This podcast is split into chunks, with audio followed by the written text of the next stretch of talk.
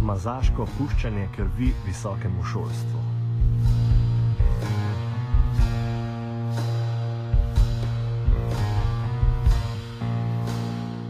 Finančni položaj visokega šolstva v Sloveniji je vse bolj negotov. Zaradi financ pa so vse bolj negotove tudi ostale univerzitetne pozicije. Naprimer, avtonomija univerze, samoumevnost dostopnosti visokošolskega študija in raziskovalna dejavnost javnega šolstva. Potem, ko je vlada že 5. julija z osnutkom uredbe, ki je pravno gledano zgolj podzakonski pravni akt, spreminjala pravila o financiranju visokega šolstva, za podajo pripomp nanj pa ponudila le štiridnevni rok, je deležnike pri pripravi tega zakona ponovno neprijetno presenetila prejšnji teden. Ministrstvo za šolstvo, znanost, kulturo in šport je minuli četrtek s končno uredbo objavilo predlog za sprememb zakona o visokem šolstvu, za katerega pa so postavili zgolj dvodnevni rok za podajo pripomb. V praksi so deležnikom za odziv dali na voljo zgolj en delovni dan, torej petek.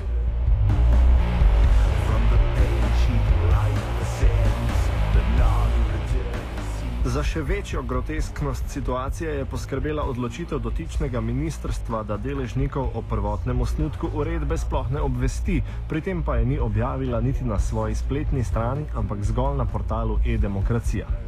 To je izzvalo vrsto protestov tako posameznih univerz kot predstavnikov študentske javnosti, ki so v tem videli onemogočanje javne razprave. Ministrstvo je te očitke zavrnilo s pojasnilom, da so uredbo želeli sprejeti čim prej, da bi visokošolski zavodi imeli relevantne informacije o razpoložljivih finančnih sredstvih za leto 2012.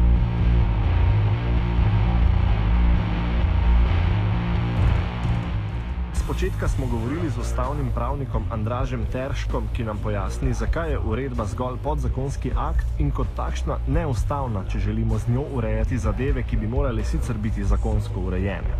Temeljni razlog je v tem, da dokler se zakonodaja v Sloveniji, v Sloveniji ki ureja visoko šolstvo, ne bo bistveno spremenila, država absolutno ne sme tako pomembnih vprašanj, kot je financiranje univerz urejati z uredbo. Uh, potem so tudi tukaj neki vsebinski razlogi, ampak do razprave o teh vsebinskih razlogih pridemo šele takrat, ko zakon daje izredno neposredno podlago, da se ta vprašanja lahko urejajo z uredbo in v tem trenutku zakon takšne podlage ne daje in to država veže leta in leta in to so tudi ta primer sodi v sklop tistih primerov, ko država zavestno in, in brez sramu grobo krši uh, ustavnost. Teršek je kritičen tudi do kratkih rokov za podajo pripomp. To ni samo sporno, to pa je politično barabinstvo. Ne?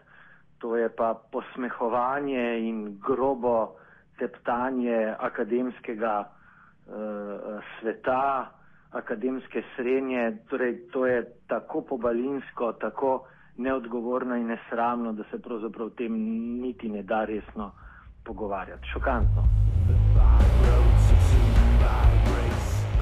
Univerza v Ljubljani se je na uredbe včeraj odzvala s klicem kolegija dekanov, prav tako pa je uredbo obravnaval kolegi rektorja.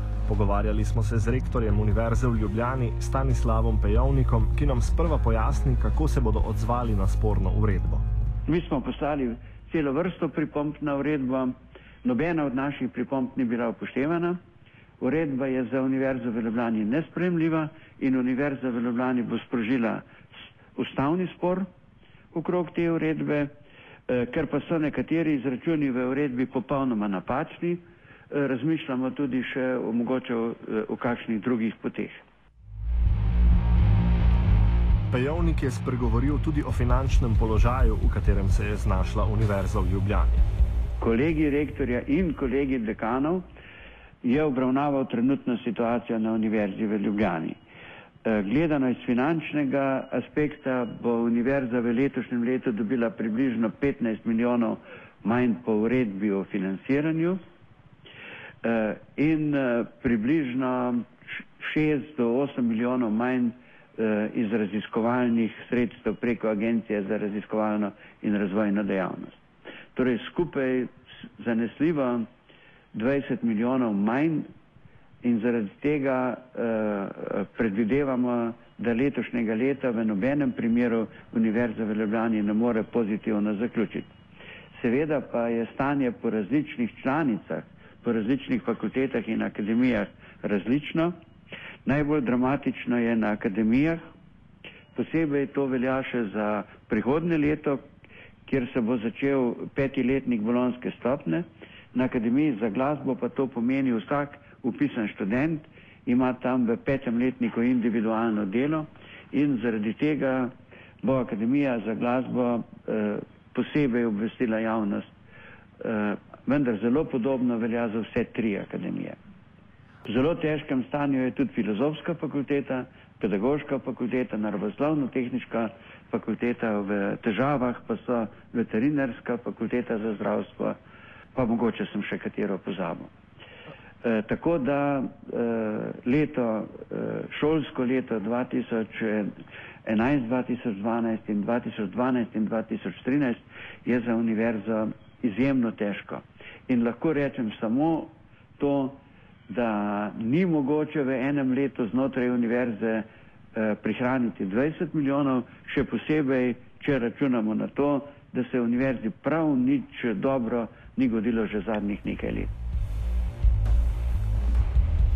Situacijo na fakulteti za družbene vede v Ljubljani nam je obrazložil dekan Bojko Bučar.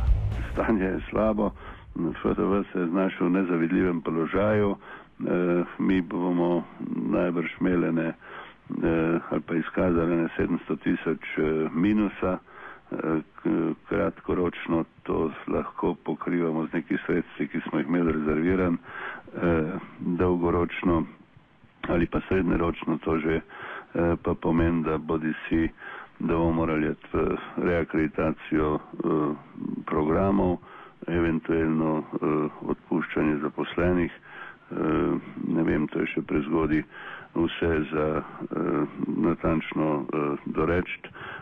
Skratka, jasno je, da kvalitete pravzaprav študijskega procesa ohranjati z tako skrčenimi sredstvi ne moramo. Finančni položaj daje na mizo dve možnosti. Univerza lahko reže sredstva za plače svojih uslužbencev, neuradno pa naj bi na fakulteti za družbene vede razpravljali celo o možnosti uvedbe izrednega študija na nekaterih smerih druge stopnje bolonskega študija. Pejovnik drugo možnost kategorično zavrača. E, Univerza v Ljubljani v principu nasprotuje vsakim šolninam. Univerza v Ljubljani je močno zmanjšala obseg izrednega študija tudi zaradi tega so delno finančne težave večje, kot so bile in nasprotujemo izrednemu študiju kot vir pridobivanja prihodka. Menimo pa, da bo Univerza v Ljubljani morala organizirati študij ob delu, vendar je to študij za zaposlene in kot tak precej drugačen od marsikatere sedanje oblike izrednega študija v državi Sloveniji. Dekan fakultete za družbene vede v Ljubljani Bojko Bučar je glede možnega nadomeščanja sredstev z uvedbo izrednega študija na drugi bolonski stopnji povedal slednje. Univerza v Ljubljani trdi, da, eh, da to eh, torej ni mogoče brez spremembe zakonodaje. Univerza v Ljubljani je tudi proti temu in eh, seveda mi tudi potem šolnin uvesti ne moramo. Eh, ne, to so bila razmišljanja o tem, eh, če bi določene študije eh, razpisali samo kot izredne študije. Ampak to ne bo nas potegnilo tega voza iz enostavnega razloga, ker seveda Eh, eno je, da eh, število študentov pada, drugo je, da konkurenca med visokimi visokošolskimi zavodi raste in seveda ni za pričakovati, da bi se eh, študente nam upisali na izredni študij.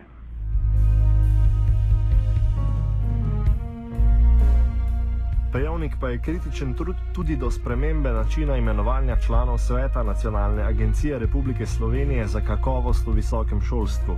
Od mnenja te agencije je namreč odvisna akreditacija univerze. Predlagane spremembe zakona o visokem šolstvu eh, posegajo v imenovanje članov sveta, za, sveta agencije. Do sedaj je bil svet agencije imenovan od neodvisnih teles, med drugim tudi od rektorske konference, od študentskih organizacij, sindikata in tako dalje. Ponovem bi vseh 13 članov sveta agencije imenovala vlada. Ali je to poseg v avtonomnost agencije ali ne, pa prepuščam prosti presoji eh, študentov in poslušalcev vašega radija. Eh, če pa želite vedeti moje mnenje, potem je to grob poseg v avtonomijo delovanja agencije NAKVIS. Kritiko glede spremembe pravilnika omenjene agencije je izrazil tudi dekan FDV Bojko Bučar.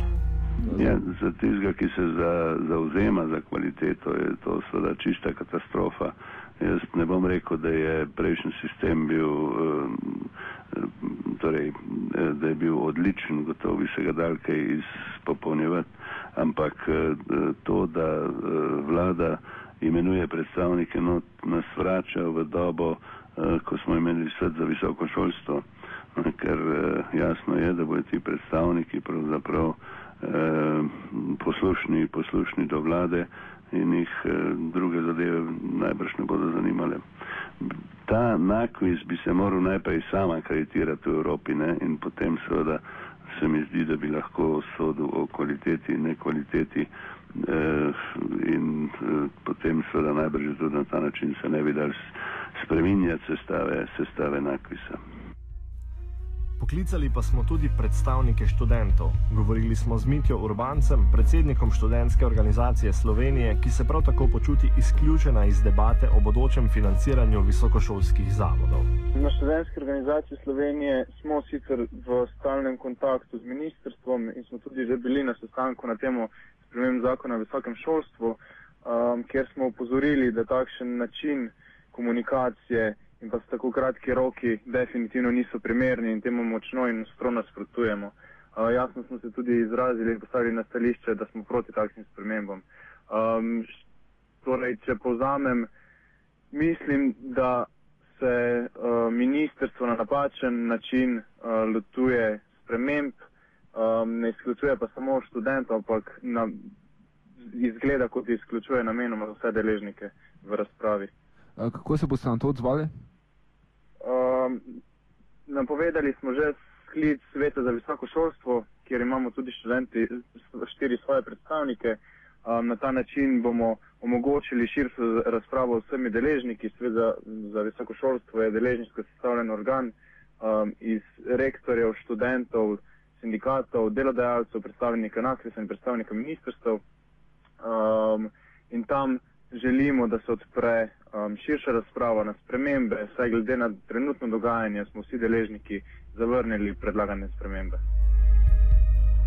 K besedi pa smo povabili tudi Tomaža Sajovica iz Neodvisnega sindikata delavcev Ljubljanske univerze, ki nam pojasni, kako lahko puščanje krvi visokemu šolstvu razumemo kot obet k uvajanju šolnin in privatizaciji te nujne družbene dobrine. Uničevanje javnega visokega šolstva se je začelo že, že spomladi. O tem smo tudi mi dejali več izjav med, med pogajanji. Problem je bil seveda med drugim takrat proračun. Ne. Sredstva za u, u, univerze so se drastično zmanjšale, e, zmanjšala in ko se sredstva zmanjšajo, čeprav je to samo en e element, pomeni tudi takošne zmanjšanje kakovosti.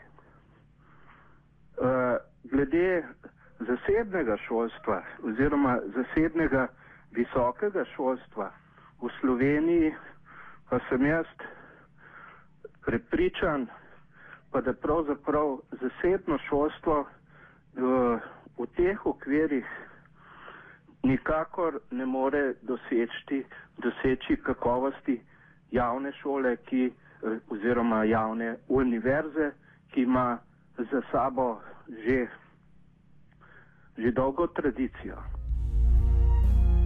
Pojasnil nam je tudi, kakšna je vloga Nacionalne agencije Republike Slovenije za kakovost v visokem šolstvu in zakaj je neodvisnost tega nadzornega organa tako ključnega pomena. Tomaš Sajovic.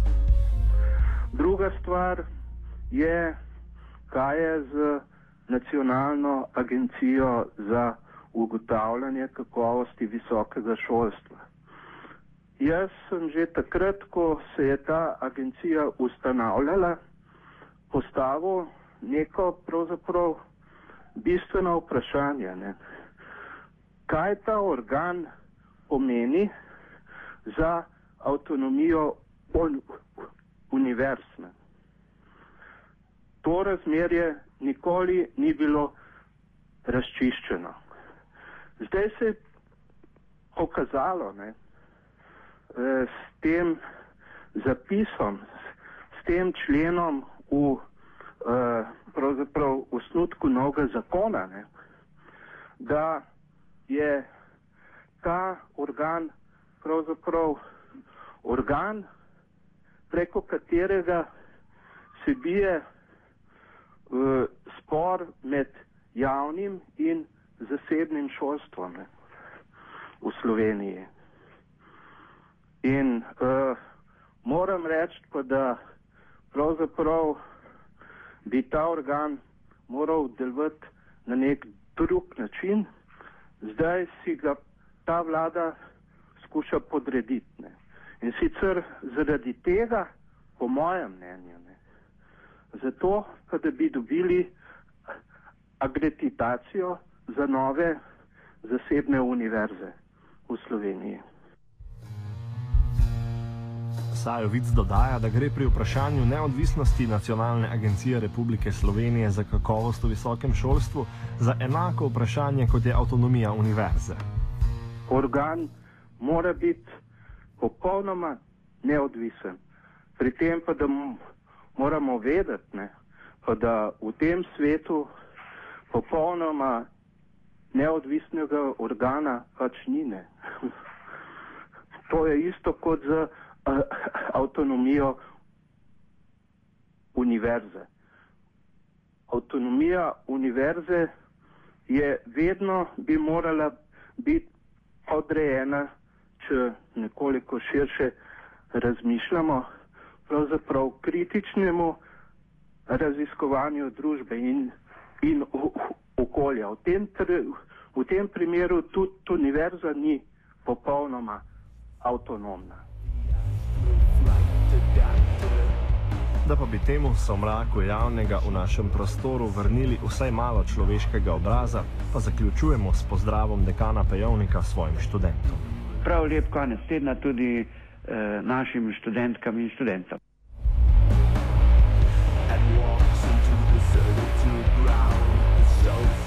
Kultivirala sta Luka Tetičkovič in Anžej Kožuh.